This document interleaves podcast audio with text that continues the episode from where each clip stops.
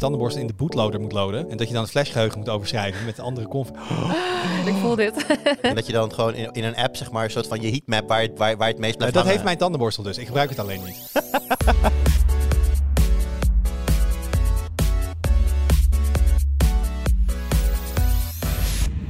Hoi, leuk dat je luistert. Welkom bij een nieuwe aflevering van de Tweakers Podcast. Mijn naam is Wout en vandaag zit ik in de podcast met Daan van Monchou, Hallo. met Jurien Ubachs Hey, hallo. en eh, terug van ongeveer 100 afleveringen geleden onze community manager Saskia Schonebeek. Hey, hey, hey. Leuk dat je er weer bij bent. Ja, vind ik ook leuk. Wij gaan het deze week hebben over eh, eh, vriendelijk zijn.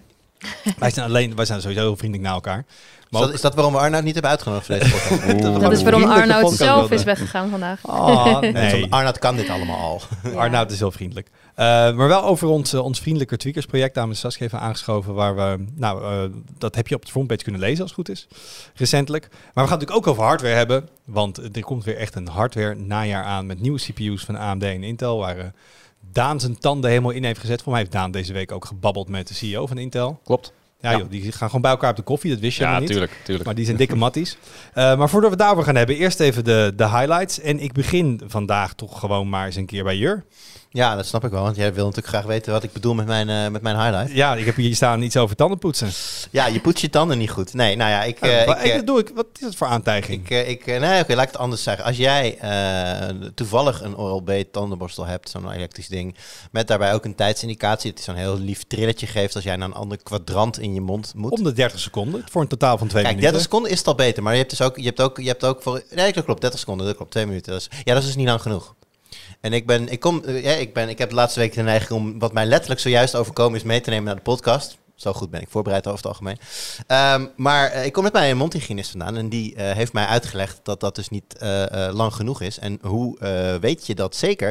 Ik krijg zo'n kleurspoeling in mijn mond dat paars oplicht op de plekken waar nog plak zit. Nou, ik kan jou vertellen, Paarse bakkers. Ja, dat Heel was, confronterend dat is was, dat, was hè? Veel ja, het erg is, ik heb dit, dit een paar maanden geleden ook al een keer gedaan. En ik ben dus toen langer gaan poetsen en meer. Zij, zij vermoedt nu dat, ik, nou goed, dat er iets mis is met de tandenborstel. Hoop ik, hoop ik in ieder geval maar. Maar in ieder geval, eh, het punt is dus, je eh, poet- poetst eigenlijk te kort als je binnen 30 seconden al weg gaat bij een kwadrant. Je moet eigenlijk per oppervlak 5 seconden erop ook niet bewegen. Want dat, doet, dat is dus het idee van een, van, een, van een elektrische tandenborstel. En dan na 5 seconden door naar, de volgende, eh, naar het volgende oppervlak. En elk, elke tand, of elke kies heeft natuurlijk drie kanten en elke tand heeft er twee. Dan moet je ook nog een beetje je, je tandfles Je meenemen. luistert nog steeds naar de Tweakers podcast. Ja, Welkom. Tweakers podcast waarin, waarin we je uitleggen dat inderdaad als jij het in twee minuten doet, zoals Oral-B het eigenlijk van je wil, zoals jouw tech, hè, even techhaakje, het van je verlangt, ja, dan ga je te snel. Ja, maar dus wat je eigenlijk zegt, mijn tandenborstel liegt tegen mij. Mijn, mijn tandenborstel liegt tegen mij alsof ik, een kind ben. Ik, ik, alsof ik een kind was. Want ik wil alles in mijn leven makkelijker maken met gadgets. ja, Dus ik denk, ik koop een tandenborstel die mij vertelt hoe en wanneer ik moet poetsen. Maar dat is gewoon fake news. nou ja, Oral-B zal er vast experts in hebben die een andere mening toe zijn gedaan, maar ja, de, de, de, de, de paarse bakkers liegt niet. En eh, de mondhygiënist dan waarschijnlijk ook niet. Dus ik eh, ga toch echt eh, meer tijd uittrekken dan... Want ik heb inderdaad ook een Oral-B-ding die na, na 30 seconden zegt... bzz, bzz, en dat ik dan door moet. En, dat die, en, en na twee minuten wordt er afgefloten en is klaar. Ja, nee, dat, dat is... Maar je dat- kan hem ook niet herprogrammeren of zo. Je kan niet zeggen, ik wil een vier minuten sessie doen of zo. Nee, dus je zou dan in... Of je doet zelf inderdaad twee Moet keer... negeren. Ja, twee keer per kwadrant. Maar ja, er zijn natuurlijk ook mensen die dan vinden dat je dan te lang punten heeft. Er zijn ook tandarts, die dat dan vinden. Maar ehm, ja, ik, ben, eh, ik zit nu in ieder geval in de hoek. Eh, twee minuten vo- voldoet niet. Maar wat verdoet dan wel? Ja, vijf, ga, ga maar rekenen. Kijk, als jij nou goed op je bek gaat en je hebt nog maar drie tanden over, dan heb je, heb je nog maar drie keer 15 seconden nodig. Dus dat valt mee. Maar nee, ja, voor, voor een volledig gebit, jij bent beter in wiskunde dan ik. Maar valt tegen. als je 10 à 15 seconden per, eh, per unit nodig hebt, of dat dan een tand of een kies is, dan eh, heb je aan twee minuten in ieder geval niet genoeg. Wauw. Verbaast me wel, want ze hebben altijd van die hele mooie reclames van die mensen in witte jassen en eh, met de experts. En met hele witte En dan voor zoiets mundane als dit. Je had Dat ook in de jaren niet klopt. 50 had je reclames van dokters in witte jassen die zeiden, je moet camels roken. Die Roken, zijn best voor je longen. Ja, Ja, precies. Dus mannen in witte jassen in reclames, die hebben in het verleden, I've been hurt before. zeg Maar we hebben hier mogelijk dus eh, opgespoord dat wellicht wat in klare reclame gezegd wordt niet per se volledig de waarheid is. Breaking news. Ja. We zijn, we zijn hier iets op het spoor komen we in de, in de toekomstige podcast op terug. Ja, misschien is het niet altijd. Maar wel voor dan, heeft iedereen hier zo'n elektrische unit? Ik heb wel zo'n Oral-B, Ja, ja. ik ook na twee minuten aan, Dano. Ja. Yep. Ik ben dus heel, hebben we allemaal Oral-B? Want ik ben dus heel, dat heb je natuurlijk Philips Sonicare, heb je ook nog, je hebt er allemaal... Oh, wacht. Ja, ik heb een Non- Philips trouwens. Non-spon, Oh. non-spon. Ja, nee, nee, niet Ja, gesponsord, maar niet gaat, gaat mij er even om. Of, ik ben dus heel benieuwd of de andere tandenborstelmerken andere tijden aanhouden. Of die ook allemaal op die 30 seconden per kwadrant zitten. Ik weet wel dat hij voor mij heeft een schermpje. Met dan kan ik verschillende eh, programma's kiezen. Met logootje, een kleurendisplay en zo. me vaatwasser wel. Ja, nee, maar sterker nog, mijn vaatwasser heeft alleen maar gewoon een tijddisplay. Hier staan plaatjes op. Dat je, gewoon tegen je, dat, je gewoon tegen je, dat je gewoon tegen je tandenborstel zegt, doe mij even het snelle programma, ik ben moe, kom.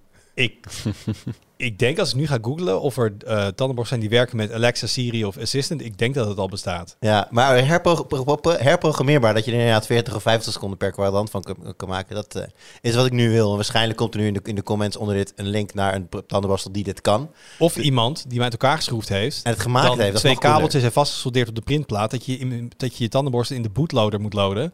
En dat je dan het flashgeheugen moet overschrijven met de andere conf. Sowieso gaat dit gebeuren in de comments. Ik voel dit. Oh, en dat je dan kan uitlezen ook. En dat je dan gewoon in, in een app, zeg maar, een soort van je heatmap waar, je- waar, waar het meest dat blijft heeft hangen. mijn tandenborstel dus. Ik gebruik het alleen niet. ik heb dat in het begin. Natuurlijk heeft het tandenborstel ik heb het in het begin een keer. Dan kun je na de sessie kun je via Bluetooth aan je telefoon koppelen. En dan geeft hij dus inderdaad aan waar je allemaal geweest bent. En waar je te, te lang en te kort geweest bent. Per, per unit, zoals je zei. Maar dat, ik vind het helemaal niet relaxed als ik aan tandenpoetsen ben. Dan een telefoon en paren en dit. En dat, dat is helemaal... Ik klinkt heel gek, want ik wil altijd dingen met... Ja. Ik wil dit niet. Hier is zeg maar mijn grens. Maar ik vind het wel mooi. Het enige wat nu nog mist bij jou is zijn twee analisten die dan om jou heen staan en dan gaan analyseren hoe jij gepoetst hebt. En dan inderdaad gaan vertellen van ja, vandaag was hij zwak op links. Mm. Maar eh, toen hij overschakelde naar rechts werd hij, werd Ja. hij, kwam hij duidelijk beter in de wedstrijd. Twee mannen in weer lange witte jassen. Wederom weer. Ja, oké. Ik, heb- ik had niet verwacht dat we ooit zo lang over tandenpoetsen zouden Ja. praten in Nou ja, ik ben podcast. We hebben wel er 236 keer over gedaan. Ik ben dus wel benieuwd hè, naar die andere merken als mensen inderdaad, of, of andere ervaringen op dit vlak of misschien met andere tijden. Dus post dat vooral. Maar ik heb dus iets met een app die ik nooit gebruik. Dus ik ga wel vanavond even kijken als ik die app weer installeer of ik dus dat Ja. ding kan reprogrammen. Komen we er binnenkort weer even eh, op terug in eh, tandenpoetsen met tweakers. Oké, ehm, Saskia, wat is jouw highlight? Ja, nou, ik had even nagedacht over mijn highlight, want ik kreeg van Arnoud een heel serieus Slack berichtje zo van... Hè, eh, eh, de highlights gaan over tech, dus iets wat je hebt gekocht recent of iets wat je hebt gedaan. Nou, of iets wat dat ook Oh, moest, je- moest En- dat tegenaan? Toen Oh, kwam Jur bij mij, ja, nou, ik, nee, ik ga vandaag over tandenborstels praten. Ik heb ook een keer over het verzorgen van gras gepraat, dus het kan allemaal wel. Dus ik, ik, ik maak me minder druk over mijn highlight, maar mijn highlight gaat over een eh, recente tech-aankoop die ik heb gedaan. En dat is een DJ-controller, want ik ben aan het leren om te draaien. En, ehm, maar de reden waarom is, is wel wat meer out of the box dan wat je zou Maar mag denken. heel vragen, wat is Ja. een DJ-controller? Dat is zo'n apparaat die je aan je computer kan aansluiten en je headphones erin. En dan kun je dus de, de, ja, de muziek in elkaar mixen met allemaal schuifjes en mooie dingen. Dus het ik is ben niet, het aan het is leren. dus, het is niet eh, de plaatspeler, het is alleen Nee, het, schuifjes. het, is, het zijn echt die twee ronde gedeeltes waarmee je de plaat kan eh, besturen. En dan de schuifjes om, om nummers in elkaar te mixen. Effecten die je erop kan zetten. Je kan loopjes maken. Jij hebt een soort Dus, ehm, virtuele draaischijfjes die in de plaat van de plaat... Vroeger had je daar een plaat liggen Ja, en nu heb je gewoon een soort touchpads soort, waar je eh, met je... wakker weet je wakker. wel dat? Ja, dus je kan ook scratchen en zo. Dat Maar als, waarom? ehm, ja, waarom? Nou, ik, het is niet dat ik hier eh, eh, nou echt ambitie heb om eh, nieuwe DJ te worden op ADE of zo. Maar ik ben sinds kort eh, geïntroduceerd in de wereld van ecstatic dance. En ik weet niet of jullie dat kennen. Nee, maar ik heb een laptop voor neus, dus geef me 10 seconden. Praat, praat rustig verder. Eh, het, is, eh, het zijn in principe eh, evenementen die worden georganiseerd waarbij een DJ, ehm, je hebt lange versies, je hebt korte versies, over het algemeen duurt zo'n dance twee uur ongeveer, zo'n sessie. Waarbij een DJ je eigenlijk meeneemt in een soort muzikale reis. Dus je gaat daar naartoe, ehm, je mag daar niet met elkaar praten, je moet op je blote voeten dansen, geen alcohol. Het is dus echt heel erg, het voelde op, voor mij de eerste keer dacht ik echt, oh, dit zijn wel hele heftige regels. Ik voel me een beetje benauwd. Maar het gaat er uiteindelijk om om echt even helemaal uit je hoofd te gaan en in je lichaam en om te voelen en om met elkaar een soort muzikale reis te maken. Moet je dan ook je telefoon in een kluisje achterlaten of zo? Moet niet, die- maar je moet hem niet meenemen. Je moet hem op stil zetten. Het is niet de bedoeling Ja. dat je die daar rondzwaait. Want mensen die kunnen daar heel erg vrij zijn. Het is ook niet dat je daar bent om mooi te dansen per se. Dus het gaat echt om dat je even gewoon lekker met elkaar helemaal los kan gaan op die nummers. En, en zo'n DJ bereidt dan dus echt een, een reis voor van, nou, je hoort van allerlei genres langskomen. Ehm, en daarna voel je je echt heerlijk relaxed. Ik slaap echt fantastisch als ik dat heb gedaan. Maar hoe lang Ehm, is zo'n dance sesh dan? Nou, gemiddeld twee uur zou ik zeggen. Maar ik ben ook wel eens nu naar XL-versies gegaan in een strandtent. En dan kan het zo 2,5 uur tot 3 uur duren.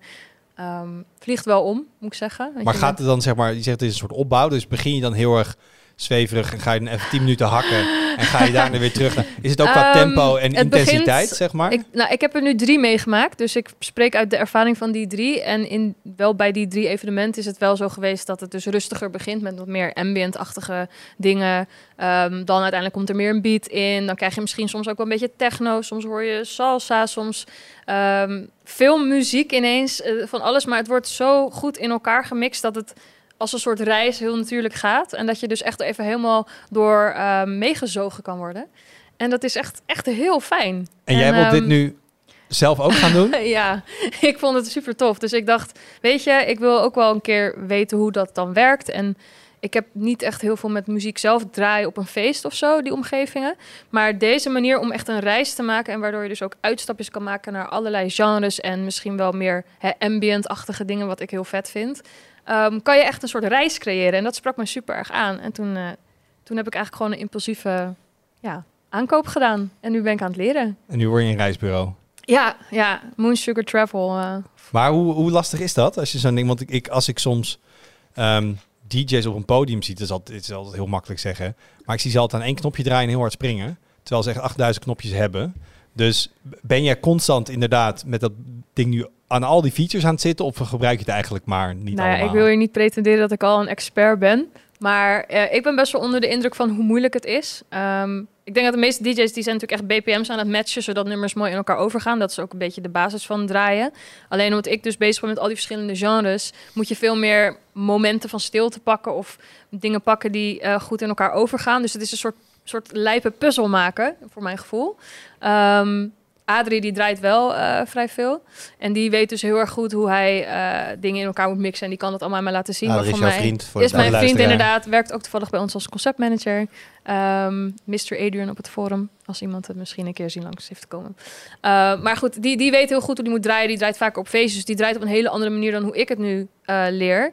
Maar ik vind het echt, nou, nog best wel lastig. Ik heb daar wel respect voor. En ehm, Maar ergens misschien een borrel, een tweakersborrel ergens in 2023 dat we jou achter de wheels of steel zien staan? Maybe. Ik bedoel, als het blijft plakken. Ik, eh, ik, ik, ga, ik ben nog helemaal aan het ontdekken en ik vind het heel erg leuk. Maar het is echt nog even gewoon de vraag Want van... ben jij eh, iemand van de impulsieve hobby's? Dat je ergens induikt en twee weken later weer klaar bent? Of ben je wel Mm. iemand die doorpakt? Ik ben over het algemeen wel iemand die doorpakt of vrij snel weet van... oké, dit is hem toch niet, dus ik verkoop dat ding door... of ik doe er een ander een plezier mee. Over het algemeen heb ik hele consistente hobby's... en kies ik iets heel bewust uit. Dus als jij over een paar maanden dit nog doet, dan is het wel een, een blijvertje, zeg maar. Zeker, ja. ja, ja.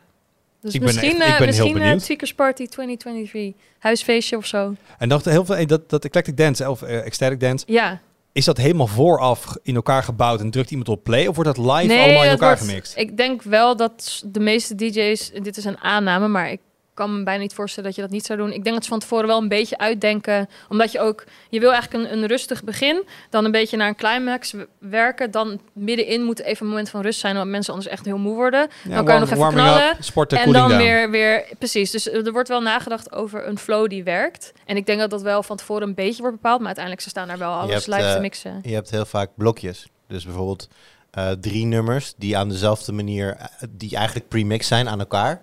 Omdat je dan ook eh, heel makkelijk pyro's en, en lichttechnieken kunt afstemmen. Maar de blokken aan zich, en daar, je kunt daar, daar kunnen ze wel van afwerken, maar goed, dat hoeft meestal niet. Maar de blokken aan zich worden wel op andere manieren gelegd, afhankelijk van ja, het feestje waar je bent. Maar het is over het algemeen niet zo dat een, een DJ in een heel uur of anderhalf uur, of wat die, hoe lang je ook moet draaien, eh, klaar heeft staan en op play drukt en voor de rest alleen maar anders, Nee. anders staat te klappen. Maar je hebt wel prima- premix blokjes, anders kunnen ze ook die dingen als op de tafel klimmen. Nee, En- dat en valt me op dat, kan, dat, kan- dat kan niet als je maar één minuut hebt, zeg maar. Dus, Nee. eh, dus je hebt vaak wel premix blokjes, maar niet een totaal premix show. Maar goed, dit is wel een ander voorbeeld dan een regulier feestje. Ja. Ik, ik denk dat hier, eh, ja, je bent hier ook een soort facilitator van een soort experience die, je die, ja, die je neerzet. Dus dat is, eh, ja, ik ben, ik ben er helemaal in aan het duiken. Ik vind het fantastisch. Hele Hollandse vraag, laatste. Is dit Dua? Duur. Je kan natuurlijk van hele goedkope tot hele dure, maar eh, de DJ-controller of zo'n feestje? Nee, de DJ-controller. Hij was 100, 108 euro of zo Oh, bij, eh, bij een webwinkel. Oh, maar da- daar kun je inderdaad wel gewoon eens een keer een gokje voor wagen. Nou, het is ook echt, eh, als je hem opzoekt op webwinkels, dan staat er ook echt zo geschikt voor kinderen. dus dat was My al zo van, first oh, oké, DJ-controller. ja, nou, Is letterlijk toevallig op, rood met geel? Hij, nee, maar hij heet Hercules. en dat ding, dat is, er staat ook echt zo op die doos van eh, eh, star, eh, s- s- become a DJ, starter kit of zo. Dus ik zei ook in die winkel zo van, nou, eh, mensen gaan gelijk zien dat ik een beginner ben. En die vrouw zo heel droog, ja, maar het staat er niet op hoor, op dat ding zelf. Het alleen op de doos. dat is wel grappig. Maar, eh, Maar het is een handig dingetje. Nou, ik zit even naar het ding te kijken en er staan allerlei knoppen en termen op waarvan ik nog nooit gehoord heb. Dus als dit, eh, als dit beginner is, dan... Vet eh, ingewikkeld en eh, professioneel. ja, dit is gewoon vet ingewikkeld en professioneel. Nou Oké, ja, nou het. dan is mijn highlight goedgekeurd voor tweakerwaardig in ieder geval Ja, vandaag. Daar maar ik zag stiekem mee. dat je een tweede ding had opgeschreven. Ja, ik, ehm, dat is namelijk omdat het is ook wel een leuk, een soort van leuk bruggetje van een feestje naar een, ander feestje. feestje. Eh, we hebben namelijk op 8 oktober het Tweakers Huisfeestje. Zeg ik dat goed? Dat zeg ik goed. Dat hè? zeg je goed. Dat zeg je Ja. helemaal goed. 8 Ik oktober, zaterdag. even, ja, 8 oktober op een zaterdag. En ehm, ja, ik wil het eigenlijk nog even onder de aandacht brengen, want daar zijn we nu heel druk mee bezig. Het is echt eh, ja, een soort Gewoon een ouderwetse plug dit. een ouderwetse plug, omdat het ook aan mij werd gevraagd. Zo van, goh, hè, kunnen we het nog een keer lekker onder de aandacht brengen voor de Nee, tweakers die het misschien nog niet weten dat dit gaat plaatsvinden. Want we zijn hele toffe dingen aan het, eh, aan het eh, voorbereiden op dit moment ervoor. Het is in Amsterdam van 4 tot 10. En je kan nu nog tickets kopen. Dus ik wil dat absoluut nog even onder de aandacht brengen. Dat dat eh, heel gezellig wordt. Ik denk dat velen van jullie In den show notes wellicht zetten. allemaal daar Zeker gewoon ook lekker Ja, bij zijn. Daan Dus, knikt, ehm, Jurk knikt, ik ja. knik. Ik moet nog een ticket hebben, maar ik eh, wil Ja, maar wij, wij komen gratis binnen. Ja. Dat komt wel goed, zeg maar. Collega- naast eh, alle lekkere hapjes en drankjes, leuke activiteiten. En ook gewoon, je kunt ons ontmoeten. Wij vinden het ook heel leuk om met iedereen kennis te maken. Daan, Dus- Daan, ik hoorde wel dat gratis kaartjes op zijn. Dus, eh, maar ik lees hier Ja. voor 17,50. Ben jij er gewoon, Ja. mag jij nog- D- dat, jij er gewoon helemaal ja. bij? Nee, maar ik, vond, ik Ja. moet zeggen, we hebben dit natuurlijk een keer gedaan, denk ik drie jaar geleden nu. Ja. Net pre-COVID. en dat was, dat was echt een vet Dat is avond. heel cool. Ja, ik was er niet eens bij. Maar Tweakers ik, eh, 21 was dat. Ja, was Dat was dus echt 21. een leuk feestje. Ja, dus tof. voor mensen die zich een beetje wat willen voorstellen. We hebben... ehm, eh, zo, ik weet bijna niet meer bij. We hebben in ieder geval... ehm soldeerworkshop, dat weet ik. Dat hebben. Dus als je het leuk vindt om daarmee te gaan klooien, dan kun je Maar ik dat ben doen. zo benieuwd wie die geeft. Ja, nee, ik weet ook niet precies wie het doet. Ja, ik niet heb het draaiboek inmiddels zout kunnen opzoeken, maar laat, dat, dat, dat, Ja, dat is het- onderdeel van de, van de van mystiek. de dus dit- mysterie. Maar good old Paul Hulsbos deed dat natuurlijk altijd. Ja, dus ja. eh, die is er niet bij. Ik neem, aan dat hij het niet is. Nee, nee, dat niet. We gaan, we gaan back to the roots. We gaan eh oldschool met eh vloeibaar stikstof overklokken. Dus Ja, er staan drie met systemen. Onder andere Joost, een van onze Tesla-coördinatoren, die gaat dat doen. We hebben er volgens mij, dat, dat mag ik, mochten bij de punt plan nog niet zeggen, maar nu wel, want hij is uit. Zen 4 hebben we daar een, eh, een Zen Mhm. 4-based systeem staan waar we gewoon een vloeibaar overheen gaan gieten. Ehm, dus als je dat lachen vindt om te eens kijken hoe dat gaat, dat kun je ook doen. Er zijn heel veel games en vooral toch ook een beetje oldschool games. Dus ehm, als je of wat jonger bent, maar oude dingen leuk vindt, of je bent een oude lul. Zoals ik hem soms ook wel een beetje voel. En je denkt, hey, Quake 3 Arena of Unreal Tournament of, Mm. of dat soort dingen wil ik spelen. Ouderwetse Dat hebben we. Trackmania hebben we. Dus volgens mij gaan we weer Weerwolf hier, denk ik, vast. Zeker weten, ja. Met, eh, eh, ik ga daar vertellen, Arnoud gaat daar vertellen. En ik weet dat... eh, Een soort live podcast en story. ik weet dat Cheert van, eh, van, eh, van Awesome Retro eh, het ook erg leuk vindt om te vertellen. Dus, eh, en ook veel ervaring heeft. Dus ja, er dat is een worden quiz. goede- goede We gaan- potjes, kan Er is een quiz, we gaan prijzen weggeven. En ondertussen zijn er gewoon heel veel tweakers bij elkaar. Is het gezellig kletsen. Eh, Ja. Gewoon een good time. Exact. Dus als je niks te doen hebt op zaterdag 8 oktober, ofwel cancel dat en kom en hier. kom gezellig met ons naar het huisfeestje. Ja. Dat is wat we gewoon willen zeggen. Dat, dat, dat was even de deel 2 van mijn highlight. Dat vandaag. was het gewoon. Alright. Yes. Daan. Ik heb ook twee dingen. Shit, Mensen, Ja, het hebben spijt regels. Kom op. Nee, ik, ik, ik, ga het gewoon, ik ga het gewoon doen. Ja, ik, Ik, heb eh, geen authority hier. Nee, nee ik, eh, ik wil beginnen met iets wat ik vorige week in de podcast heb verteld. Ik had het vorige week over Nvidia en dan over DLSS 3. Je hebt gelogen, toch? Nvidia heeft gelogen. je lijkt net een tandenborstel jij. Ja, nee, ik, ehm, ik had het over DLSS. Dat is een bekende techniek. Dat is om een game op een lage resolutie te renderen. Dan te upscalen naar bijvoorbeeld 4K of zo. En dan heb je betere frame rates met... eh, Maar het lijkt eigenlijk gewoon net zo scherp als normale 4K. Exact, ja. En DLSS 3 krijgt een nieuw aspect daarbij. Eh, voorheen kon je alleen een bestaande frame upscalen. DLSS 3 bedenkt ook een extra frame. Dus dan verdubbel je eigenlijk je framerate. Dat is leuk. Maar de uitleg kon je een beetje dubbel eh, interpreteren. Je kan natuurlijk gewoon een frame interpoleren. Dan pak je twee frames en plak je daar een frame tussen voor een soepelere overgang. Dat Ja. heet ook wel interpolatie. En je kunt natuurlijk ook de beweging van twee frames doortrekken en een toekomstige frame voorspellen. Dus ik had aan Een Nvidia gevraagd. AI-achtige Exact. constructie. Ja, dus ik had aan Nvidia gevraagd hoe zit dat nou? En die zeiden tegen mij, ik ga het gewoon citeren nu. de schuld Ja. hard richting Ja. Nvidia schuiven. Dit is niet interpolatie, maar AI frame generation. A future frame is generated. Dus Nou, ik dacht, oké, je trekt een frame door inderdaad en dan bedenk je een toekomstige frame. Mag ik gokken wat het echte antwoord is? Ja. Het is interpolatie. Correct. Nou, Oké, Ja. hebben we dat gewoon recht Ik gezet. eh, keek later een eh, developer keynote voor eh, DLSS 3. Vond ik leuk, dus ik denk dat ga ik bijwonen. En daar zeiden ze inderdaad van, we pakken twee frames en we maken een frame ertussen voor een soepelere overgang. Dus ik terug naar Nvidia, ja, wat is het nou? En toen zeiden ze daarna, ik ga het gewoon weer even erbij pakken hoor. Eh, We worden echt gewoon eh geshamed hier. ja, maar Daan wil gewoon wil zijn straatjes gewoon vegen. Dat merk ik wel. dat was een klein beetje over de zeik. Ja. Ah, Nou, ze, daarna kwamen ze inderdaad van ja, DLSS frame generation eh, genereert een intermediate frame. Niet een toekomstige frame gebaseerd op de eh, huidige en de vorige frame. Met daarna nog een linkje. Lees alsjeblieft hiervoor meer informatie. Alsof dat niet het artikel was waar, ik, waar die eh, verwarring uit ontstond. Maar goed, het is dus interpolatie, niet eh, toekomstige eh, frame generatie. Dat wilde ik even rechtzetten. Oké, nou iedereen die daar ehm, toch redelijk over in de rat zat, dan weet je het nu. Ja, bij deze. Now Dat- you know. Ja, dat wilde ik bij deze nog eventjes En iedereen die dacht, die Daan weet echt niet waar hij het over heeft, blame Nvidia. Ja, het, het spijt me. Ik, eh, Adres ik- eh, staat op de website. Jullie kunnen koekjes sturen. Misschien een lekker precies, drankje. precies. Al die mensen die dreigbrieven naar Daan hebben gezegd, kappen nou. Liefdesbriefje. Nee, viel mee. Ansichtkaarten mogen ook. Mm, zeker, altijd welkom. Ja. Ja. Oké, dat Nee. hebben we rechtgezet. Maar Ja. je had er twee. ja, nu mijn echte highlight. Vorige week had collega Arnoud een leuk artikel over dat Firefox 20 jaar bestaat. Eh, ik ben al jarenlang een Firefox gebruiker. En Firefox is toch altijd al vanaf het begin de underdog. En daar wil ik het gewoon even over hebben. Ik was benieuwd welke browser jullie gebruiken. Vanaf het en begin, want ik, er is een kleine sweet spot geweest tussen de dominantie van Internet Explorer en Chrome in, denk ik. klopt, toen was het inderdaad Firefox stuk heel even leidend Ja, geweest is. dat klopt. Dat maar is- over het algemeen inderdaad de underdog. Het was even mainstream. Maar er was inderdaad een paar jaar dat iedereen Ja, wel Firefox had, maar ook Thunderbird. Nou, dat zou ik dan weer minder hebben. Hm. Maar ik weet wel dat dat echt het ding was toen. Dat Maar- je die moest hebben. Maar inderdaad, Chrome heeft er vrij snel volgens mij overgepakt. geval. Maar even een, even een browser rondje, Jur. Chrome. Daan, Firefox. zoals ik Ja? Chrome. Ik gebruik Edge, Chrome en Firefox. Oké, vertel. Alle maken thuis, oké. Ehm, ik ben in mijn privé Google-account ingelogd in Edge. Want we hebben natuurlijk ook werk Google. En dat vind ik heel irritant in dezelfde browser. Dus ik heb gewoon één browser waar ik voor al mijn privé... Als ik daar gmail.com Je intik... kunt gewoon twee aparte Chromes hebben daarvoor. Je kan ook in gewoon in is Chrome Edge namelijk switchen. Chrome. Ja. Het is Chromium Render Engine. Dat vond ik wel leuk, maar zo gebruik ik meerdere browsers. En dan leer je ook Mhm. nog een beetje wat de verschillen zijn. Firefox Dus- heeft uh, container tabs. En dan ja, kun je daar kom ik precies zo dat- op, dat weet ik. Wacht, je zei Edge, maar dat is toch Microsoft? Ja, ja. Oh, maar dat is in principe gewoon Chrome.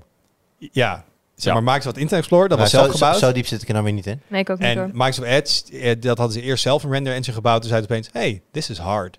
En toen hebben ze gewoon de Chromium source code gepakt. Ah, dus ja. Edge Ja. is een fork van Chromium. Nou, net Chro- zoals Chrome. Chromium ken ik inderdaad wel. Ja. Dus, eh, dus ik gebruik Edge privé, dan gebruik ik Chrome voor werk. Alleen een aantal, twee maanden terug of zo, zat, zat Daan met de browser shamen. Eh, en zei hij dat ik Ja. naar Firefox Ja, moest. ja, Want beter en Chrome is evil en mon monopolies. Hm. Dus toen ben ik ehm, voor mijn zakelijke dingen naar Firefox geswitcht. Dat gaat oké. Wij, Gaat werken, wij maar- werken met G Suite, dus redelijk Google Workspace. Dus allemaal alles in de browser vanuit Google. En ik merk toch dat sommige dingen in Chrome, en dat snap ik, want dat is gewoon vendor login van Google. Maar dat werkt wel. eh, net even lekkerder werkt dan toch rare dingen soms in Firefox als het gaat om eh, dingen in Google Sheets. Of dat Google Meet ja. net een beetje Maar- gek doet. Maar vraag, waarom heb je dan je privé niet naar Firefox? Of- Je wist toch van tevoren dat al je, al je, je zakelijke dingen, wat dus aan G Suite hangt, dat dat beter gaat in Chrome? Stel niet van die hele nuttige vragen. Ik, vroeg dit- ik wilde dit ook vragen. Ik, wat- ik zou dan gewoon inderdaad gewoon met mijn privé dingen wat dingen gaan uitproberen op Firefox. Nou, wat het vooral was, het is een hele, hele selecte use case.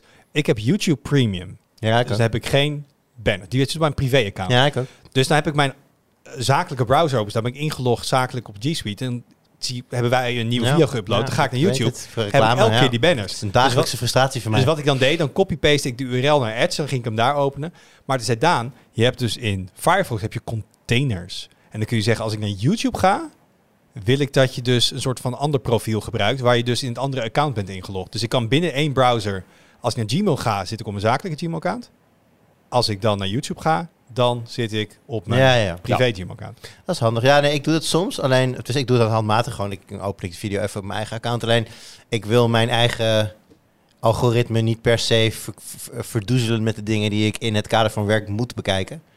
Dus dan, Dus gewoon Ja. naar jezelf kijken op video, dat vind je verdoezelen van het algoritme. nou ja, Hou dat, je niet van jezelf? dat is, ik bedoel meer de andere, de andere de producties van andere naar mensen mij in gaming. kijken is verdoezelen van je algoritme. Ja, ja, nee, ik wil dat niet eh, in mijn eh, privé-algoritme hebben. Nee, zeker niet.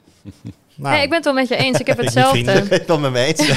nee, ja, nee, meer van dat ik wel snap dat je... eh, je hebt ook gewoon lekker je interesses naast je werk en de dingen die jij graag... Hè, je, je wil gewoon soms even lekker in zo'n rabbit hole terechtkomen. En als je dan elke keer allemaal dingen van tweakers krijgt die je al kent...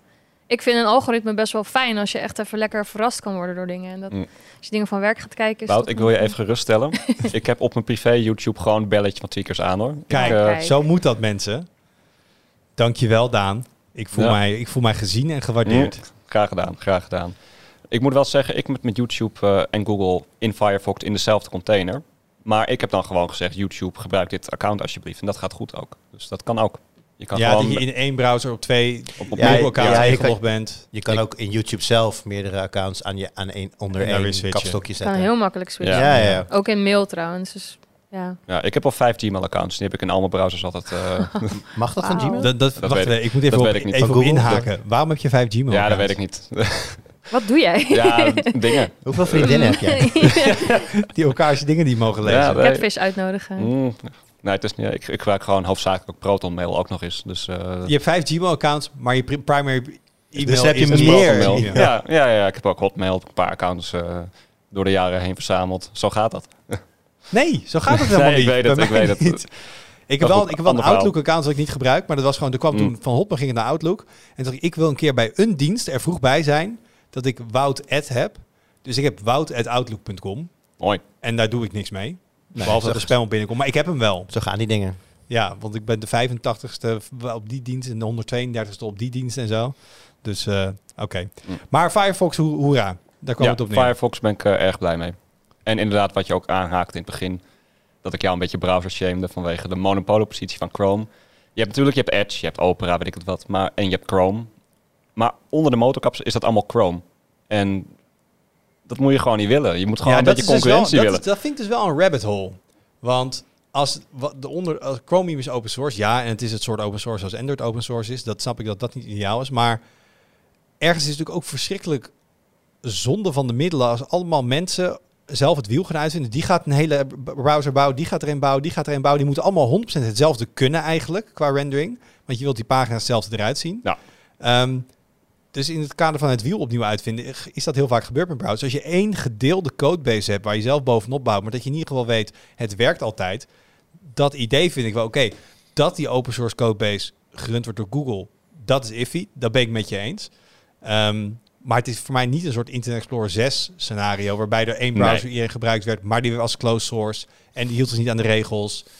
Want mensen zeggen wel, eens, ja, Chrome is nieuwe IE6, maar dat vind ik een beetje te... Nee, dat is waar. Maar je ziet wel met Google, die willen wel eens dingen doordrukken. Je had Vlog, hè, dat is een cookie alternatief. Ja, dat werd hem ook weer niet. Ja, precies dat soort dingen. Of eh, ze gaan adblockers blokkeren volgend jaar, geloof ik, in Chrome. En ik heb een mening over adblockers. Ik gebruik het niet. Maar ik vind dat de optie er moet zijn. Dus ik hoor ook wel van veel Damn, vrienden je van... tikt het belletje aan, je bekijkt de ads, je bent echt een... Ja, ik heb tweakers. Je eh, een leuk collega ja, was, was je ideale nee, gebruiker. Ik, ik, heb een, ik, heb een, eh, ik heb een piehole, maar alleen op trackers.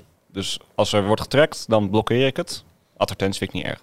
Nee. En zo, sowieso hebben wij awesome cookievrije, trekkingvrije exact. advertenties. Dus ja, de tweakers heb ik voor de zekerheid direct gewitelist. eh, Dienstmededeling. Absoluut, absoluut.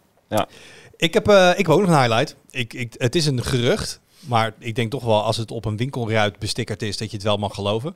Ehm, maar eh, ik weet dat er een grote schale, nou niet gewoon groot, er is een, een, een groep mensen op Tweakers die trouw elke jaar naar Duitsland rijdt om daar nieuwe Google hardware bij de Mediamarkt te halen. En ik deed het ook net voor review samples. En dan kijken mensen bij die balie van, oh nee, heb je die Hollander weer?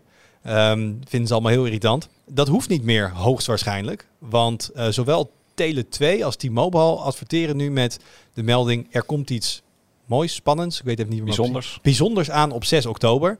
6 oktober is de aangekondigde persconferentie van Google waarop ze een nieuwe Pixel hardware aankondigen. En we weten dat daar een Pixel 7 en een Pixel 7 Pro en een Pixel Watch aankomt. Ehm, en dus twee telecomproviders in Nederland hebben. En de bestikkering bij T-Mobile was gewoon maar in het fond van Google.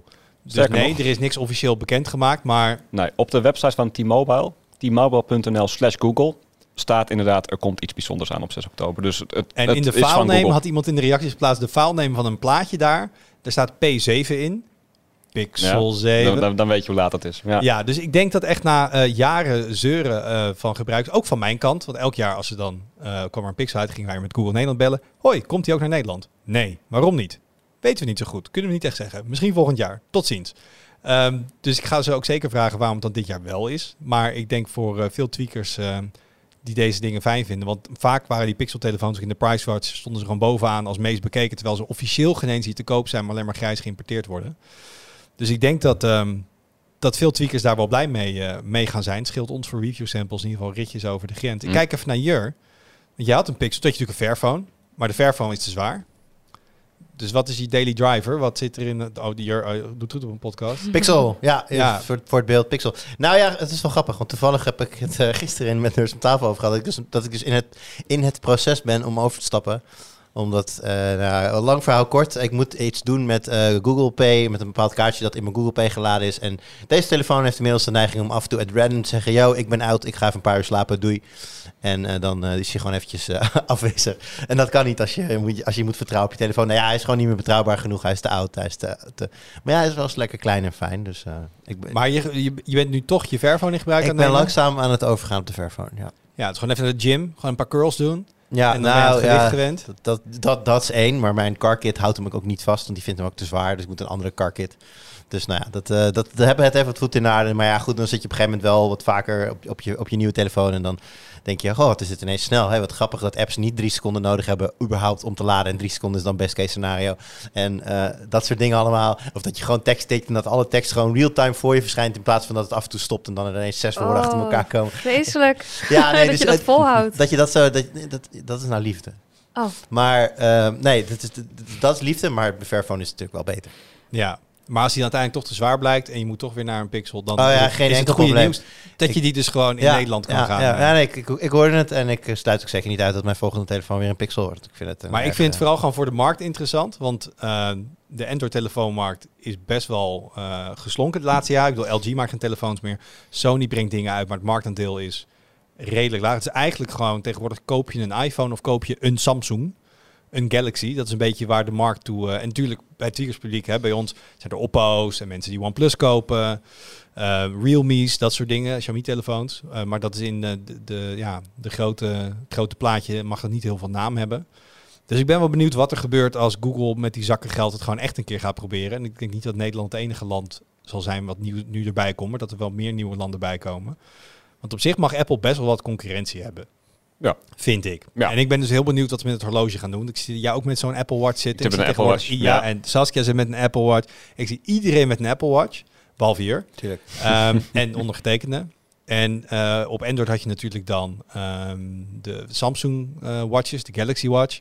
Maar daar zit heel erg veel Samsung saus overheen. Het stom is, Google had echt al jaren geleden Android Wear. Waren eigenlijk de Apple Watch voor. Die hebben toen jaren gedacht, oh we vinden het toch niet zo boeiend. En nu heeft Apple er een succes van gemaakt. Ik denk, oh we gaan ook wel weer. Ehm, dus ik ben heel benieuwd, in ieder geval, misschien nog wel meer dan aan die Pixel 7. Gewoon kan Google een goede smartwatch bouwen om een beetje te, te concurreren met. Maar dat, ehm, er komt 6 oktober een event. Dus eh, Er komt iets bijzonders aan. er komt iets bijzonders aan blijkbaar. Dus misschien nog wel een soort one more thing. We gaan het zien. Dan gaan we door. Saskia gaat er even goed voor zitten. Ik, zie het al. Ik, gaat even eh, goed voor zitten. Ja, precies. Ik voel hem aankomen, jongens. Want we hebben eh, vorige week, ik was bij de vakantie vorige week, maar ik ben wel in de, de voorbereiding, ben ik met jou eh, genoeg in, in contact over geweest. Hebben Ja. wij een, eh, een, een, ja, noem het een project, de lucht ingeslingerd, wat wij eh, vriendelijke tweakers noemen. Ja. En misschien even goed voor mensen die die post niet hebben gezien, kun je misschien even kort zeggen, wat is dat? Ehm, ja, goh, het is best wel, het is meer een verzamelnaam voor heel veel dingen. Want het is, we hebben het eigenlijk als een working title gebruikt en uiteindelijk bleek dat wel een mooie title om gewoon helemaal mee te nemen. En ook in mijn tijd, eh, of voor mijn tijd, hè, door bijvoorbeeld een zeef, is, eh, is vriendelijker tweakers als term al wel gebruikt. En ehm, was het ook wel iets wat al speelde. Eh, wat is het? In principe initiatieven van ons om de sfeer op tweakers te verbeteren. Even heel plat geslagen. Dus ik denk dat we het misschien beter kunnen hebben over waarom we het hebben gedaan, want dan krijg je iets meer inzicht. Nou, pak maar op. Ik zou zeggen ja. Ehm, nee, ja, goed. Wij, wij merkten, nou, dit gesprek is natuurlijk ook tussen ons eh, voor een deel begonnen. Ehm, er zijn eigenlijk vier dingen die wij merkten eh, op Tweakers. Allereerst, eh, de toon op het platform was echt aan het verharden. De sfeer was minder aan het worden. En in, nou ja, in het puntplan staat ook die quote over dat wij heel lang konden zeggen van nou, hè, dat gebeurt gelukkig bij ons allemaal niet. En dat is nu eigenlijk niet meer iets wat we kunnen beweren. En dat was toch wel een realisatie ja, waar we niet heel blij van werden. Ehm, ten tweede ehm, waren er al wel langer klachten over misbruik van het moderatiesysteem onder de artikelen. Dus mensen die op mening modden, eh, die het systeem niet goed kennen, die daar dus ook niet goed mee omgaan, waardoor dat eigenlijk een beetje krom eh, ging staan. Een derde ding is eigenlijk ook nou, best wel pittig ook hier, dat gewoon personeel hier bij ons en dan met name mensen van de redactie minder lol hadden in hun werk, omdat ze nou ja, de raarste dingen naar hun hoofd kregen. Eh, dat geldt trouwens ook voor vrijwillige crew, de moderators, de admins. Ehm, van, van echt rare sneren dingen over omkoping tot aan eh, doodsbedreigingen. Dat zeg ik ook echt, ik kan nog steeds niet helemaal bevatten. Maar Gek hè, dat, als dat hardop zegt. Dat is heel raar, ja. ja. Ja. dat is echt heel gek. En eh, ja, en eigenlijk het vierde ding wat hij merkte is dat bepaalde regels een beetje grijs gebied hadden. Dat daar ook wel opheldering nodig was en ehm, een iets, iets duidelijker moderatie eigenlijk in dat opzicht. Dus dat zijn de vier dingen die wij zagen waarvan we zeiden, hier willen we iets mee gaan doen. En daar zijn we mee aan de slag gegaan. Ik denk, ehm, nou, ik denk dat we toch wel een vol jaar uiteindelijk aan hebben gezeten. Ook omdat de technische aanpassingen redelijk veel eh, voeten in de aarde hadden. Maar ehm, ja, dat zijn eigenlijk de dingen die wij zagen. En wat zijn we toen gaan doen? Nou, in grote lijnen, ik denk wat het meest merkbaar is nu voor de communityleden, is dat wij het eh, frontpage moderatiesysteem hebben aangepast. Dus je moet bijvoorbeeld nu aan een aantal eisen voldoen om dat te gebruiken. Ehm, waaronder dus het hebben van 250 karmapunten en een gemiddelde reactiescore van een halve punt op de frontpage. En ehm, nou, dat was een technische aanpassing die we nu hebben gedaan daaraan. Met een, ook een, een soort nieuwe tutorial als je wil gaan moderaten. Dus eh, om echt... ehm, even uitleggen, wanneer Even- geef je een plus 3, wanneer geef je plus 2. wat, wat verwachten we nou van jou? Hoe werkt het nou? Om gewoon, want er zijn echt zat mensen waarvan ik, ik ben er echt van overtuigd die gewoon absoluut niet wisten hoe het systeem werkte. Maar wij konden er ook wel even wat moeite voor doen om dat wat beter eh te Nou, het hele internet hangt natuurlijk aan elkaar van likes en upvotes en hartjes. En de mensen Ja. denken van, hé, hey, ik ben het hiermee eens, Nou, dus ik geef het mijn steun. Absoluut. Zal het gros van de gebruikers zullen dat ook zo op die manier hebben gedaan. Dus die willen we gewoon informeren. En een groot deel eh, gebruikt, en zien we ook wel dat het echt gebruikt wordt om, om gewoon even lekker te jennen. En eh, ja, dat wilden we niet meer. Dus daar hebben we aanpassingen aan gedaan. En ehm, de mensen die nu niet voldoen aan die eisen, die krijgen ongeveer zes à zeven maanden om dat dan recht te trekken. En daarna kunnen ze het ook aanzetten. En als het dus niet zo is, dan wordt het dus uitgeschakeld. En, eh, maar goed, het is nooit zo hard, want we weten ook dat mensen zijn die bijvoorbeeld al heel lang een account hebben. En dat komt nu ook naar voren in de reacties, dat mensen al heel lang een account hebben die gewoon eigenlijk in dat half jaar ongeveer het niet meer recht kunnen trekken. Dus daar gaan we wel naar kijken om hen dan een beetje te, ja, te helpen. Om, te zien van nou, we kunnen even kijken naar je meer recentere score. En iedereen maakt fouten. Ik bedoel, we hebben eh, zelfs als hier personeelsleden weggaan, dan pakken we nog wel eens hun tweakergeschiedenis erbij. En dat is ook niet altijd. eh, niet Mijn altijd allereerste post niet op het forum was spam, omdat ik mensen aan het ronselen was voor mijn eigen site. Nou, Ja. dus Mm. we, we zijn er ook van overtuigd dat iedereen een kans verdient. En dat is wel iets wat we ook in de evaluatie bijvoorbeeld gaan, eh, gaan meenemen. Nou, wat zit er nog meer bij het project in? Eh, we hebben echt gekeken naar een, eh, een set goede huisregels. Die hadden we eigenlijk helemaal niet op Tweakers. We hadden wel een soort heel lang, We wollig hadden echt en, en enorm veel documenten door de Ja, jaren heen, die zeker. naar elkaar verwijzen. En FAQ's op FAQ op FAQ. Ja, nou zijn er nog best wel wat FAQ's, want het zou niet tweakers zijn zonder lekker veel informatie. En eh Forum FAQ bijvoorbeeld, eh, die is wel opgefrist, maar die is er nog. Maar we hadden echt een soort mega lang algemeen beleid, waar het was ook niet per se heel vriendelijk geschreven, een beetje kattig. Eh, van nou, dit zien we allemaal liever niet hier en dit niet en dat niet. Ehm, en dat hebben we dus in principe nu ook allemaal samengesmolten tot een mooie set huisregels die heel erg, nou, vrij duidelijk is en, en echt met een paar punten van dit willen we zo, dit willen we zo en hier moet je op letten. En die wordt nu ook eh, automatisch in een DM gestuurd naar mensen die een nieuw account aanmaken, zodat ze ook gelijk in aanraking komen met hey, je bent op Tweakers, super tof, dit is graag hoe we willen. Als iemand nu hier- luistert en denkt, oh, ik ben wel benieuwd naar de huisregels. Waar vind ik ze? Die staan in, als het goed is, in het meermenu bij de algemene voorwaarden en dergelijke bij meer of over of in het. Ja, ik weet het even niet helemaal uit mijn hoofd, maar hij is Meer over tweakers Ja, en zo- dan vind je ze. Misschien zelfs al meteen. De, volgens mij staat hij gelijk al in de de root, Oké. zo heet dat toch? In de, de root van, root. De, de, van de De tree. root van de ja, menu. van de Ja, menu tree. Onder De meer staat tree. meteen huisregels. ja. Exact. Dat heb ik wel even voor Wel een beetje onderaan in de lijst, maar staat er wel. Hij staat Ja. er. Eh, Eerst was er helemaal niks. Dus Ja, ja, het, is, nee, zeker. eh, het, is, het, is, het was nodig. Dat hebben we gedaan. Nou, we hebben echt met onze mods en admins eh, heel erg veel bijeenkomsten gehad om ook te praten over wat kunnen zij nou beter doen. Hè? Want dit, dit hele verhaal werkt uiteraard gewoon twee kanten op. Ehm, en ook de mods en de admins die, die maken fouten en die zijn ook niet altijd even vriendelijk. En zo zien we het eigenlijk aan alle kanten. Het, is, het project is nooit bedoeld om hè, ons versus de community te zetten, maar echt om met elkaar eens even te kijken van, goh, wat zijn we nou allemaal aan het doen? En kunnen we misschien met elkaar eens kijken of het wat vriendelijker kan? Omdat de maatschappij op dit moment, eh, nou ja goed, ik kan het eigenlijk al wel terug tracen naar 2020 toen ik hier begon bijvoorbeeld. Toen zat ik ook hier aan deze tafel. En ehm, toen begon het al heel erg met die polarisatie op social media, in de media. Hè, dat begon een beetje bij de, de verkiezingen in Amerika toen de tijd, in de Trump-tijd. Nou, toen kregen we nog corona. En zo zag je eigenlijk dat het in plaats van dat je met elkaar ging kijken, hey, waarom vind jij dit nou? Werd het een soort us versus them en niks in het midden was meer welkom, want je was dan gelijk dit of dat. En dat zien we nu steeds meer eh, en dus ook op tweakers. En dat hebben we eigenlijk ook in een, in een verhaal gegoten om echt even op de frontpage met elkaar van... hey jongens, wij zien dit nu, wij willen dit heel graag anders. We hebben wat aanpassingen gedaan. En ehm, ja, we hopen gewoon heel erg dat we dit met elkaar kunnen doen. Gewoon dat- met z'n allen. Doe eens lief. Ja, nou ja, precies. En dat geldt dan echt voor iedereen. Als TLDR. Ja, Hoe is dit, hoe is dit voor jullie? Als ik even naar Daan en, en Jur kijk. Achter de schermen. Ja, ik eh, vind het een heel goed initiatief. Eh, ik, wat je al zei, inderdaad, soms dan eh, krijg je wel eens aantijgingen naar je hoofd geslingerd. En ehm, zeker toen ik begon, had ik het daar persoonlijk wel soms moeite mee. Ik kan het nu wel redelijk goed naast me neerleggen. Maar ja, ik, ik merk wel dat dat in ieder geval de laatste tijd niet meer is gebeurd. Ik weet niet of dat in het algemeen is, maar Ja. ja. we zijn natuurlijk sinds vorige week woensdag live. Dus Ja. dat is nu een week. Ehm, en als je dit luistert, een week en een dag. Ehm, maar eh, ja, we, we hebben wel wat dat betreft eh, best wel goede reacties gehad ook. De grap was ook dat er door een fout ging het artikel eigenlijk eh, veel te vroeg al live, om zes uur s morgens. Toen waren er al iets van 13 comments op toen we het offline haalden. Ik denk een uurtje of een half uur later. En eigenlijk was dat gelijk positief. Het was voor ons heel leuk om te zien dat we, wat je echt ziet, is dat er een soort stille, nou toch wel stille meerderheid zou ik ze willen noemen. Eh, ineens heel erg voelde van ik wil hier iets van zeggen, ik wil hierop reageren. En we zagen echt mensen in het forum die hier eh, heel positief op reageerden. En dat je ook echt zag, dit was echt hun eerste of tweede forumpost ooit.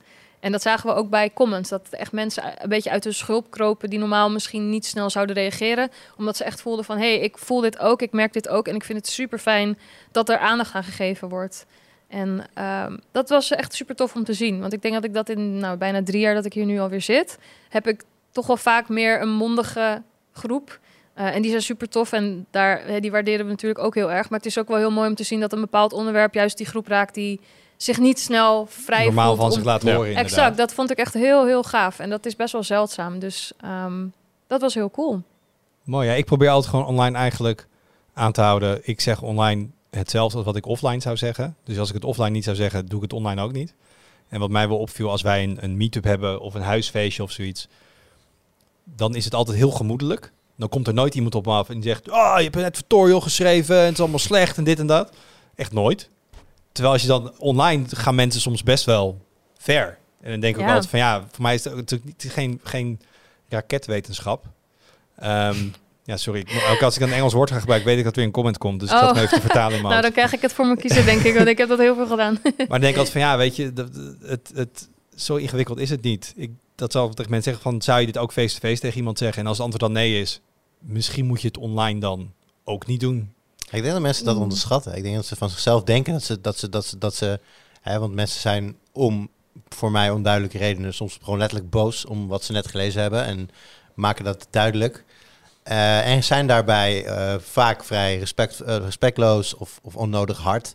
Maar ik denk als je het zo, zeg maar via een DM zou vragen, dat ze zo zouden volhouden van nee, dat zou ik ook in je gezicht wel zeggen. Tot ze daadwerkelijk voor je staan, dan is, het, dan is de toon inderdaad vaak een stuk gematigder en, en dan valt het allemaal wel mee. En Ja, ja, Wat ik ook rea- ik heb niet alle reacties gelezen, was iemand die zei van, oh ja, nu dit zegt, ja, ik, ik reageer ook wel vaak heel emo- emotioneel eigenlijk. Ja, die was een soort van, echt een soort reflectie van, Ja, ik, eigenlijk niet, ik weet eigenlijk niet waarom ik dat doe. Nou, dat, zou, meerdere, dat zou ik normaal ook helemaal niet tegen mensen zeggen, maar ik laat me soms een beetje opnaaien, heb ik het idee, of zo, Ja, als ik ja, online ben. Dus dat, dat vond ik echt heel mooi om te zien dat mensen dit wel ook aangeven om even gewoon na te denken. Dat is precies wat we wilden, van gewoon op tafel leggen. Zeg van, denk gewoon even na voordat je wat post. Ja, ik denk ook dat gewoon, dat is vaak ook een, die emotie die dan eerst binnenkomt. En dat zie je vaak ook, ik, ik zie het vaak op tweakers, dat, dat mensen zijn super gepassioneerd over tech. En dat raakt soms ook heel erg die emotie.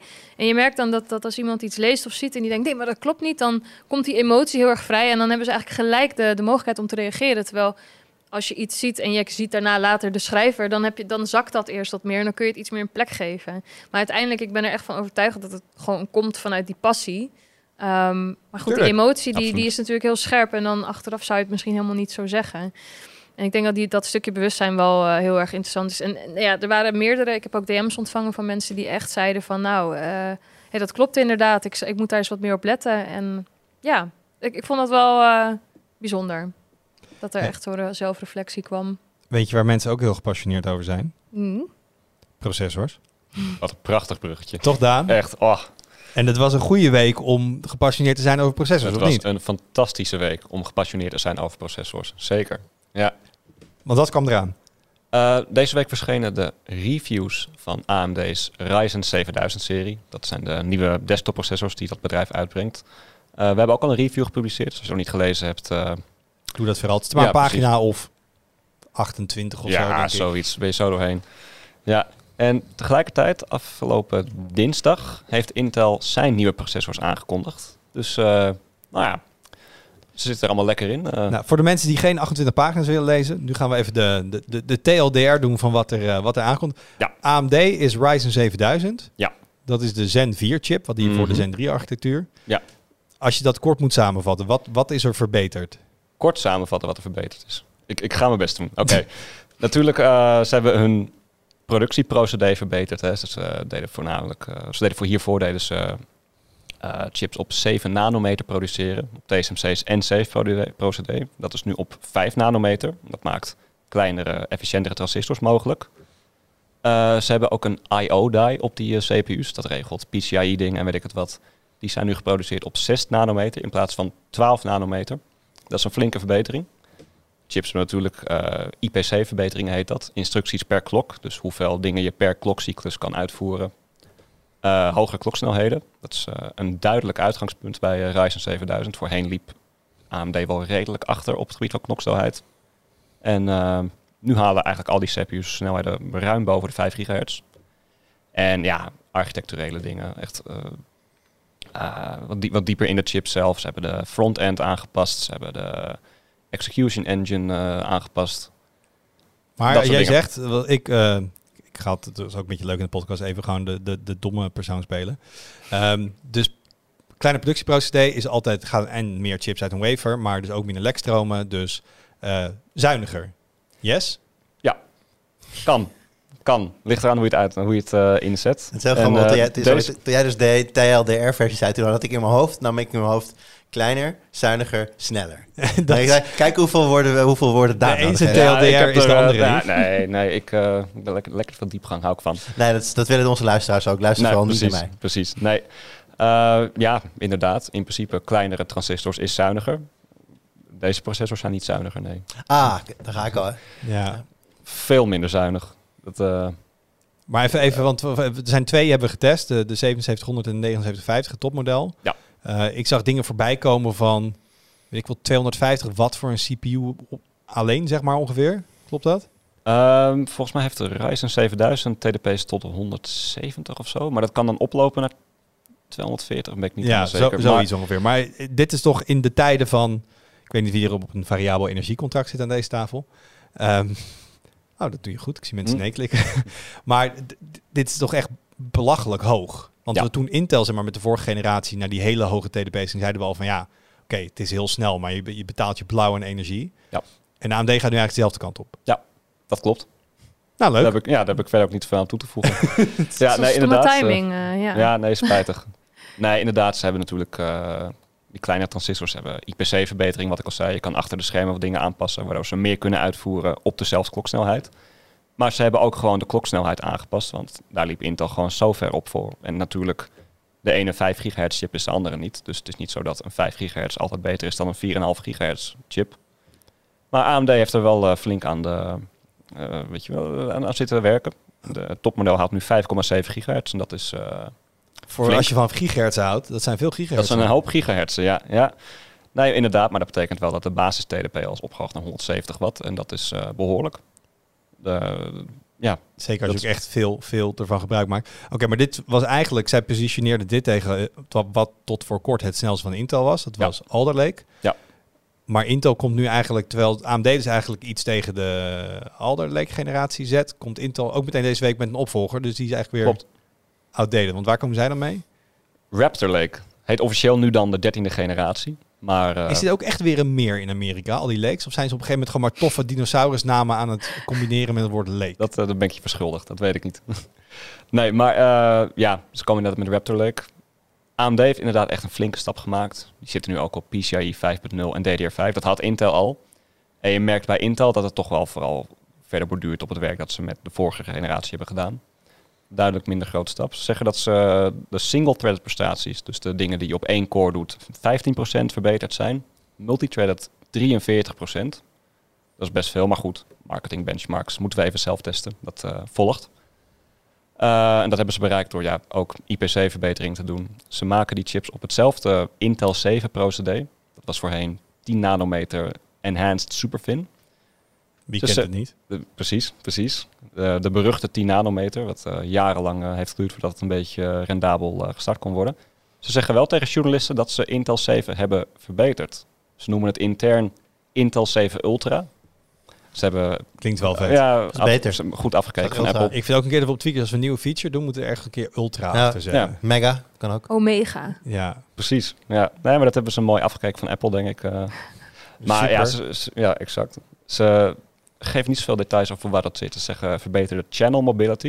Ik vermoed dat dat betekent dat de elektronen wat makkelijker door het kanaaltje kunnen travelen. En dat zou dan misschien snellere schakelsnelheden betekenen. Dus sneller. Ja, precies. Is Sneller. sneller. kom je weer gewoon bij of TLDR.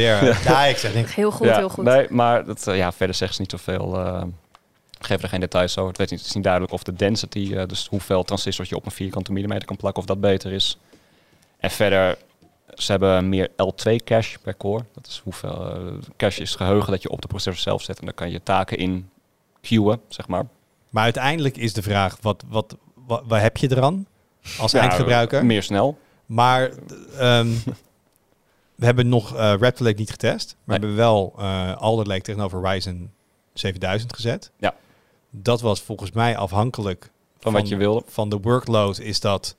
Nou, dat zit redelijk bij elkaar. Ja. Het verbruikt allebei een verschrikkelijke hoeveelheid energie. Klopt.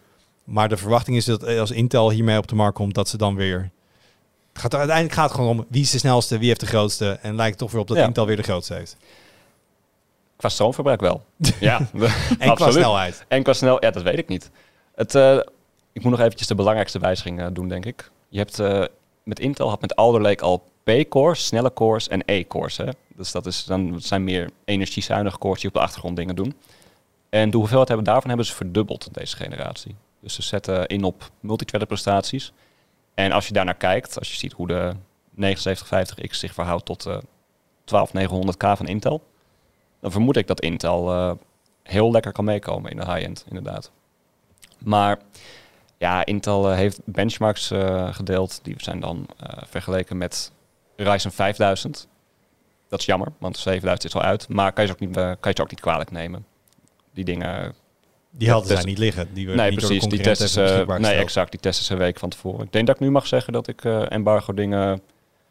voor de release van Ryzen 7000 dingen al had. Dus ehm, ja, hoe ze zich echt gaan verhouden... Toch even kijken. Stay tuned. Maar volgens mij is het een heel slecht najaar, want we krijgen dus... Oké, je kan zo meteen kiezen uit eh, van allebei de smaken nieuwe CPU's. Hartstikke leuk. Eh, AMD komt met nieuwe videokaarten. Ja. Nvidia komt met nieuwe videokaarten. Maar ik heb Ja. wel het idee waar we soms generaties zagen van... Oh, ze hebben echt hele slimme dingen gedaan. En ze hebben het allemaal kleiner gemaakt.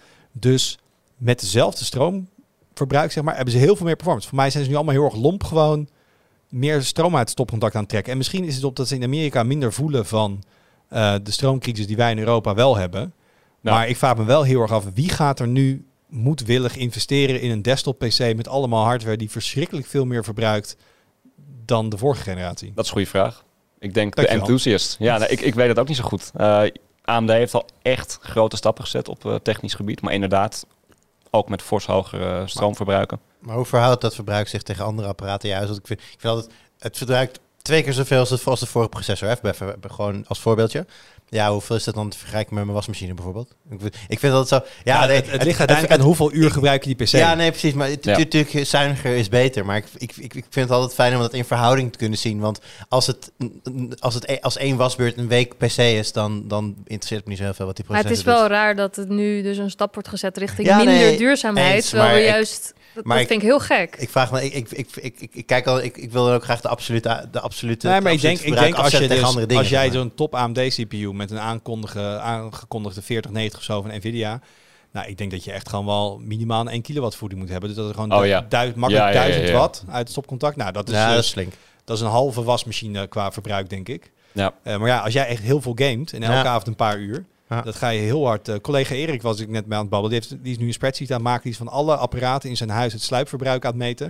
Maar gewoon zelfs dingen als iets wat 9 watt standby verbruikt. Een jaar lang. Dus gewoon ja, met zijn, hij heeft hele hoge energietarieven. Dat, dat was gewoon iets van tegen de 100 euro liep dat. Als je gewoon die stekker eruit trekt. Nou, Dat scheelt. makkelijk verdiend. Ja. Dus ehm, het, ik vind het een, een aparte tijd om zulke power-hungry hardware te, ik ook. te, te launchen. Ja. Ik ben ook benieuwd wat dat doet met... eh, en dan ook nog eens hele dure dingen. Terwijl mensen steeds meer te besteden hebben. Dus het is een soort perfect storm van niet handig. Ik ben Ja, benieuwd nee, of ze daar een standpunt op, op hebben ingenomen. Want ik kan me ook voorstellen dat het wel kritiek gaat krijgen. Ja, het, het lastige met chipproductie is gewoon... Deze dingen stippel je vier, vijf jaar van tevoren uit. Dit zie je niet aankomen. Maar dan je, nog, dus- we gaan in principe naar een wat duurzamere wereld in heel Absoluut, veel eh, aspecten. absoluut. Dus het, het is toch gek. Ja, het is zeker gek. Ryzen 7000 heeft wel een eco-modus. Die hebben wij niet getest. Ah. Maar wellicht dat dat eh, een verschil Ja, maakt. de, maar... de software was niet helemaal klaar, hoorde ik nee, nee, exact. exact Ja, mijn wasmachine heeft ook een eco-modus. Dus. Maar- Nou, Ja, dat, dat- eigenlijk wil je zeggen, Ryzen sneller en lijkt net op een wasmachine. ja, in principe wel. Ja. Een goede Mm. aflevering dit. Tandenborstels, Ja, wasmachines. Je Ja, hebt echt mooie mooi. inzichten vandaag hier. Ik ben lekker bezig. Ja. Nee, maar eh, om even te praten over de prijzen inderdaad. Op zich zijn ze niet eens heel veel duurder geworden. Het ding is alleen Ja, die europrijs. de europrijs. En, en de, wisselkoers met de, de wisselkoers met de dollar is gewoon wel echt heel erg slecht op dit moment. Dus je betaalt gewoon fors meer. En Wat betaal even, d- d- 95 dollar. laat het maar pijn doen. Wat doe, topmodel AMD Ryzen 7000?